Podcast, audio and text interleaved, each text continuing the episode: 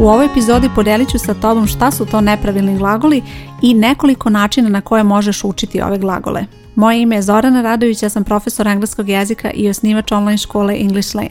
Ovo što slušaš je English Lane podcast gdje pričamo o korisnim savjetima i lekcijama za učenje engleskog jezika. Ova epizoda je posebna po tome što je ovo stota epizoda English Lane podcasta i ako nisi imala prilike do sada da preslušaš neku od prethodnih epizoda, na ovoj stranici gdje slušaš podcast bit će link tako da možeš da preslušaš i druge epizode koje imaju jako puno korisnih lekcija i savjeta za učenje engleskog jezika. U ovoj epizodi pričat ću o nepravilnim glagolima. Nepravilni glagoli su glagoli koji imaju nepravilne oblike u različitim situacijama, odnosno gramatičkim konstrukcijama gdje se javljaju i odmah ću ti dati jedan primjer da shvatiš o čemu govorim. Recimo imamo glagol break, onda imamo broke, broken, to znači polomiti. E sad pravilan glagol bi glasio play, played, played igrati i on se zove pravilan zato što ima ovaj nastavak na kraju, e, da se piše, čita se played, i to je nešto što imaju pravilni glagoli i velika većina glagola u engleskom su pravilni glagoli, ali postoji velika grupa i nepravilnih glagola i posebno su oni bitni zato što se jako često koriste u konverzaciji, dakle potrebni su ti da pričaš na engleskom. Nepravilni glagoli imaju tri oblika i sada ću ti objasniti kako oni izgledaju i čemu služe. Prvi oblik se zove infinitiv i to je osnovni oblik glagola. Osnovni oblik glagola se koristi u raznim vremenima i vrlo je bitno da zapamtiš kada učiš vremena i kada vidiš da treba da se upotrebi infinitiv, da znaš da je to ovaj prvi oblik glagola, odnosno prva kolona glagola kada su u pitanju nepravilni glagoli i to je nešto što bi trebalo da zapamtiš, znači probaj da zapamtiš taj oblik kao takav, infinitiv, osnovni oblik, nekada ćeš ga koristiti samostalno, a nekada ćeš dodavati nastavke. Pomenula sam prva kolona zato što se nepravilni glagoli uglavnom uče po tim kolonama, odnosno postoji tri kolone, odnosno to su ova tri oblika o kojima ću ja sada pričati i u prvoj koloni je infinitiv, znači to je prvi oblik koji treba da zapamtiš kada su u pitanju nepravilni glagoli. Preslušaj sada četiri primjera nepravilnih glagola i imaju u vidu da sam namjerno izabrala ove nepravilne glagole, a kada završimo sa objašnjenjima za ove oblike, onda ću ti i objasniti dodatno zašto sam baš ove glagole izabrala. Prvi glagol je break. Ovaj glagol znači polomiti. Drugi glagol je come, doći. Onda imamo glagol leave, napustiti. I imamo cut, iseći. E sad, sva tri ova oblika to su glagoli u tom osnovnom obliku, odnosno u infinitivu, to jest to je prva kolona nepravilnih glagola. Prelazimo na drugi oblik, odnosno drugu kolonu nepravilnih glagola i ovaj oblik se zove past simple, Imajući u vidu da se ovaj oblik koristi u prošlom vremenu koje se zove past simple, tako možeš i zapamtiti ovaj drugi oblik po tom imenu past simple jer se koristi u tom prošlom vremenu. Vreme past simple se gradi tako što na pravilne glagole dodaš nastavak koji će biti d ili ed u pisanju, ali kada su u pitanju nepravilni glagoli koristit ćeš oblik iz druge kolone nepravilnih glagola. Zato je bitno da naučiš ove glagole i odmah ću se vratiti na glagole koje sam već navela i sada ću uporediti prvu kolonu i drugu kolonu. Dakle, imali smo glagol break, to je bila prva kolona, odnosno infinitiv, a drugi oblik je broke. Za drugi glagol imamo come, to je bio prvi oblik, a sada imamo came. Treći glagol bilo je leave, a sada je u drugoj koloni left. I za četvrti glagol imamo cut, a drugi oblik je kat. Sada sam ja izgovorila dva oblika, jedan za drugim i to je nešto što treba da naučiš kada učiš nepravilni glagol, bilo koji nepravilni glagol da učiš, prvo učiš prvu kolonu, zatim drugu i onda stižemo do treće kolone. Treća kolona se zove past participle, odnosno prošli particip i ova kolona nepravilnih glagola se koristi za vremena past perfect i present perfect, ali osim tih situacija postoje i još neke konstrukcije u engleskom gdje ćeš koristiti treću kolonu nepravilnih glagola, ali o tome ćeš učiti više kasnije kada budeš učila sve to. Bitno je da zapamtiš da postoji treća kolona i da nju treba da naučiš kao i ove druge. Znači nemoj učiti samo jednu ili dve kolone, već probaj da učiš sve tri odjednom. Vraćam se ponovo na glagole koje smo imali, na ove primere i sada ćeš čuti i treći oblik kako izgovaram. Dakle, imali smo glagol break, drugi oblik je bio broke, a sada je treći broken. Znači imamo infinitiv, onda oblik za prošlo vreme i na kraju prošli particip. Na ovoj stranici gdje slušaš podcast vidjet ćeš napisane sve ove oblike tako da možeš da pogledaš i kako se pišu ovi glagoli koje ja izgovaram. Drugi glagol je come, came, come. To su tri oblika. Prelazimo na treći glagol. Treći je bio leave, to je bio prvi oblik. Zatim imamo left i treći oblik left. I četvrti glagol je cut, cut, cut.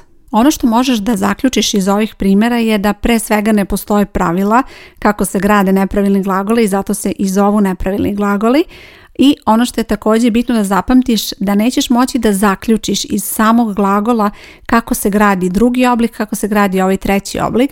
Dakle, ne možeš gledajući u infinitiv da zaključiš kako se gradi past simple ili prošli particip, već moraš da naučiš gledajući u listu nepravilnih glagola. Dakle, postoji spisak nepravilnih glagola koji možeš pogledati i gdje ćeš učiti sve ove oblike, gdje ćeš imati napisano sva tri oblika i onda ćeš moći postepeno da učiš nepravilne glagole. Vratit ću se sada na ova četiri primjera i zašto sam ih baš izabrala. Ako preslušaš prvi primjer, vidjet ćeš da sva tri oblika su potpuno različita. Break, broke, broken. U engleskom jeziku postoje nepravilni glagoli koji prate taj obrazac, da kažem. Dakle, to nije pravilo, ne postoji način da ti znaš, e, ovaj glagol će pratiti to pravilo ili tako dalje. Imaju vidu da su ovo nepravilni glagoli i da se tako zovu sa razlogom, ali postoji način da malo grupišeš kada učiš nepravilne glagole, da ih grupišeš prema tome kakve oblike imaju. I onda imamo break, broke, broken. Glagol koji ima sva tri oblika različita. I sada kada razmisliš o tome i kada pogledaš spisak nepravilnih glagola, vidjet ćeš još takvih primjera, pa će onda biti freeze, froze, frozen, take, took, taken, speak, spoke, spoken i tako dalje. To su sve primjeri gdje nepravilni glagoli imaju sva tri oblika različita. To je nešto što može da ti pomogne kada učiš nepravilne glagole, zato što možeš da ih grupišeš prema tome kakve oblike imaju. Kada pogledaš drugi glagol, vidjet ćeš još nešto zajedničko. Imamo come, came, come. Primećuješ da su prvi i treći oblik isti. I to je nešto što će se dešavati, postoji određena grupa glagola kod kojih se to dešava, da ćeš vidjeti da je infinitiv i prošli particip imaju isti oblik. Dolazimo do trećeg primjera, imali smo leave, left, left. Ono što primećuješ kod ovog glagola je da je prva kolona različita, a da su druga i treća iste i opet i ovdje će biti mnogo primjera i situacija kada ćeš primetiti ovo, ali ne postoji pravilo kada ćeš koristiti ovakve oblike i ne postoji neki nastavak ili nešto što će ti pomoći da odrediš te oblike i da zaključiš kako da ih napraviš recimo ako imaš samo infinitiv, ali kažem može da ti pomogne tako što ćeš da ih grupišeš prema tome. Dakle, prva kolona je različita, a druga i treća su iste i pored leave, left, left imamo i druge primjere kao što su bring, brought, brought, pay, paid, paid, feel, felt, felt i tako dalje. Imamo i četvrti primjer cut, cut, cut. Ovakvih primjera je nažalost najmanje, ali su vrlo jednostavni zato što imaju sva tri ista oblika i pored ovog glagola tu je i glagol cost, cost, cost i tako dalje. Biće još nekoliko takvih primjera, ali Kažem, to nije nešto na što ćeš moći da se osloniš jer je vrlo bitno da shvatiš da su nepravilni glagoli takvi da postoji taj spisak, ta lista po kojoj ćeš učiti i sada ću ti dati nekoliko savjeta kako da ih učiš da bi naravno ostvarila bolje rezultate i da bi ih lakše zapamtila. Prvo što je bitno da zapamtiš, uči nepravilne glagole postepeno. Kada pogledaš spisak nepravilnih glagola, vidjet ćeš da na tom spisku postoji jako puno nepravilnih glagola i ti nećeš moći da ih naučiš sve odjednom i to nemoj ni pokušavati jer to nije cilj, ne možeš odjednom sve zapamtiti, već probaj da podeliš to učenje i da odrediš koliko ćeš nepravilnih glagola naučiti. Od tebe se ne očekuje, pogotovo ako učiš na nekom kursu, nećeš učiti sve nepravilne glagole odjednom. Dakle, na početnom nivou naučit ćeš određeni broj nepravilnih glagola. Na sljedećem nivou proširit ćeš to znanje pa ćeš naučiti još nekoliko novih, obnoviti te koje si naučila do sada i tako dalje kako napreduješ sa učenjem će se tvoj fond reči i samim tim i broj nepravilnih glagola koje znaš. Tako da ako si početnik, nije potrebno da odmah naučiš sve nepravilne glagole koje postoje, već samo oni koji će ti biti potrebni na tom nivou koji si sada. Ovo je vrlo bitno da skrenem pažnju zato što znam da mnogi koji vide spisak nepravilnih glagola odmah pomisle kako će to naučiti, da je to suviše veliki spisak, da je teško naučiti sve to na pamet, ali ako se uči postepeno vidjet ćeš da to uopšte nije teško jer ćeš ti učiti recimo 5-6 nepravilnih glagola u okviru neke lekcije, pa ćeš u okviru naredne lekcije naučiti možda 10 nepravilnih glagola, ali to je nešto što možeš da naučiš tada kada učiš u okviru te jedne lekcije i to je izvodljivo i na taj način učiš postepeno. Drugi pristup učenju za nepravilne glagole u engleskom je da vežbaš pisanje, izgovor i značenje ovo je nešto što je veoma važno kada učiš nepravilne glagole, jer mnogi budu u situaciji da kada dobiju spisak nepravilnih glagola i zaista se potrude i daju sve od sebe da nauče te nepravilne glagole, vrlo često dođu u situaciju da uče kako se ti oblici pišu, jer to je nešto što ćeš koristiti u vežbanjima, u pisanim zadacima i tako dalje. I to je nešto što je sasvim normalno i ja sam bila u toj situaciji kada sam ja učila nepravilne glagole, ja sam se prvenstveno fokusirala na to kako se glagoli pišu, da naučim kako da ih napišem jer sam znala da ću imati kontrolni zadatak u kome ću morati da napišem sve oblike nepravilnih glagola. Ali kada učiš na taj način ti ne naučiš izgovor i to je nešto što ti onda posle dalje pravi problem jer ne možeš čitati glagol kako je napisan, možeš ga tako napisati, ali moraš da naučiš i kako da ga izgovoriš. Zato je bitno da ti odmah skrenem pažnju da kada učiš nepravilne glagole, uči sve odjednom. Uči kako se piše glagol, kako se pišu sva tri oblika, kako se izgovara koji oblik, vidjet ćeš vrlo često su to različiti oblici, onda imaju različiti izgovor i na kraju nauči šta taj glagol znači. Zato sam i pomenula tu postupnost kada je u pitanju učenje nepravilnih glagola, jer to je nešto što će ti omogućiti da ih naučiš kvalitetno i da naučiš sve što je potrebno kada su u pitanju nepravilni glagoli. Treći način koji će ti pomoći da učiš nepravilne glagole u engleskom je da koristiš različite vrste vežbanja. I sad šta to znači?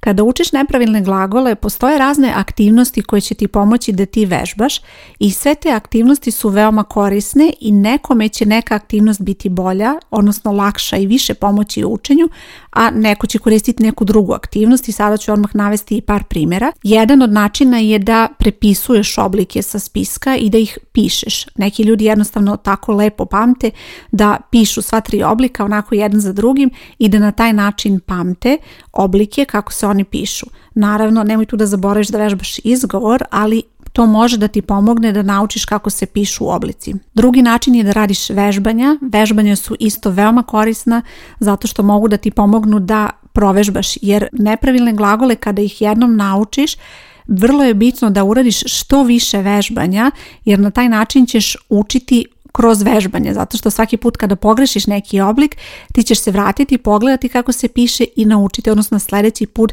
ćeš znati da napišeš i taj oblik. Sljedeći način kako možeš vežbati nepravilne glagole u engleskom je da slušaš izgovor nepravilnih glagola i da slušaš snimak gdje ćeš čuti kako se koji oblik izgovara i to je nešto što će ti pomoći da i ti uvežbaš kako da ih izgovoriš. I nije dovoljno samo da slušaš izgovor, nije dovoljno samo da slušaš snimak, već probaj da ti izgovoriš naglas svaki oblik tog nepravilnog glagola i da na taj način vežbaš. U okviru kurseva koje sam napravila u mojoj školi baš zato postoje razne vrste aktivnosti posle svake lekcije o nepravilnim glagolima, postoje razne vrste vežbanja i aktivnosti koje ti pomažu da na ovaj način uvežbaš nepravilne glagole kroz razne vrste aktivnosti i da na taj način zaista proveriš da li si lepo naučila sve oblike i da li umeš da ih upotrebi. Jer imaju vidu da kada jednom naučiš te oblike nepravilnih glagola, to je nešto što će ti biti korisno i što nećeš zaboraviti i bez toga nećeš moći naravno da napreduješ dalje. Zato je bitno da kada dođe vrijeme da učiš nepravilne glagole, da to zaista uradiš onako kako treba i da onda posle budeš potpuno sigurna da svaki put kada treba da upotrebiš neki oblik glagola, da tačno znaš da ne razmišljaš previše, da ne moraš da listaš rečnik ili da tražiš taj spisak, već jednostavno znaš to i to je nešto što možeš da koristiš dalje. Ukoliko te zanima učenje u mojoj školi, škola se zove English Lane, učenje se odvija online, na online kursevima, na ovoj stranici gdje slušaš podcast bit će link gdje možeš da potražiš više informacije o školi i kako možeš da se prijaviš. I dolazimo do četvrtog načina koji će ti pomoći da učiš nepravilne glagole, a to je obnavljanje. Iako si do sada slušala neke epizode, verovatno si do sada čula kako sam skrenula pažnju da je obnavljanje veoma važno ne samo za nepravilne glagole, već uopšte kada učiš engleski jezik, ali i za nepravilne glagole je vrlo važno zato što će ti pomoći da sa sigurnošću naučiš kako da koristiš razne oblike i da stekne što dugoročno znanje kada su u pitanju nepravilni glagoli. Imaju vidu da ništa od konstrukcija koje se koriste na naprednijim nivoima, kao što su recimo pasiv, uslovne rečenice, indirektni govor i tako dalje, ništa od tih konstrukcija ne možeš sa sigurnošću da upotrebiš ako ne znaš odlično nepravilne glagole i zato je bitno da nepravilni glagoli budu nešto što si onako savladala bez ikakvih nedoumica da bi onda mogla dalje da nadograđuješ to i da koristiš zaista zaista u nekim situacijama da napraviš neke mnogo složenije rečenice i na taj način se izražavaš mnogo složenije na engleskom. Zato kada jednom naučiš nepravilne glagole, potrudi se da s vremena na vreme obnoviš to i da povremeno uradiš neka vežbanja ili neke aktivnosti koje će ti omogućiti da upotrebiš nepravilne glagole u raznim nekim situacijama, u nekim rečenicama, da koristiš neka vremena, jer to je nešto što će ti pomoći da se podsjetiš kako se koriste nepravilni glagoli i eventualno da proveriš da li ima možda neki nepravilni glagol koji si zaboravila i naravno da vremenom dodaš i neke druge nepravilne glagole koje možda nisi učila na nivou kada si učila nepravilne glagole jer kao što sam na početku rekla nećeš učiti odjednom sve nepravilne glagole već postepeno kako napreduješ sa učenjem i kako postaješ bolje u engleskom.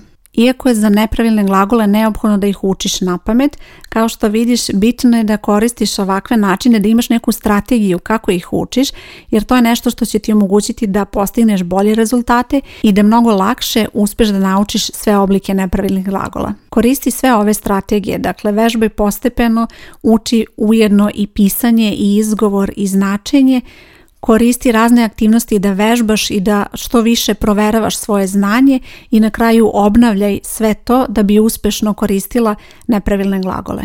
Znam da kada si početnik, nepravilni glagoli deluju kao nešto što je jako teško i nešto što je možda čak i najteže, ali vidjet ćeš da zapravo nije i da čim kreneš da učiš ovako postepeno, čim kreneš i naučiš nekoliko ovih nepravilnih glagola, vidjet ćeš kako to vremenom ide sve lakše i lakše i kako će nepravilni glagoli zapravo biti nešto što će postati onako tvoja osnova, nešto što će ti pružiti dobru osnovu da kasnije uspešno koristiš vremena i neke druge konstrukcije koje se oslane oslanjaju baš na to znanje nepravilnih glagola. Ukoliko si član English Lane škole, na ovoj stranici gdje slušaš podcast bit će neki dodatni materijali za učenje, tako da možeš da provežbaš nepravilne glagole. Verujem da si u okviru kursava koje pohađaš do sada učila određen broj nepravilnih glagola, tako da izaberi aktivnosti koje su u skladu sa tvojim trenutnim znanjem i naravno probaj da primjeniš sve ove savjete kada radiš lekcije u okviru kursa i aktivnosti koje slede posle lekcija, probaj da primjeniš sve ovo i da na taj način ostvariš još bolje rezultate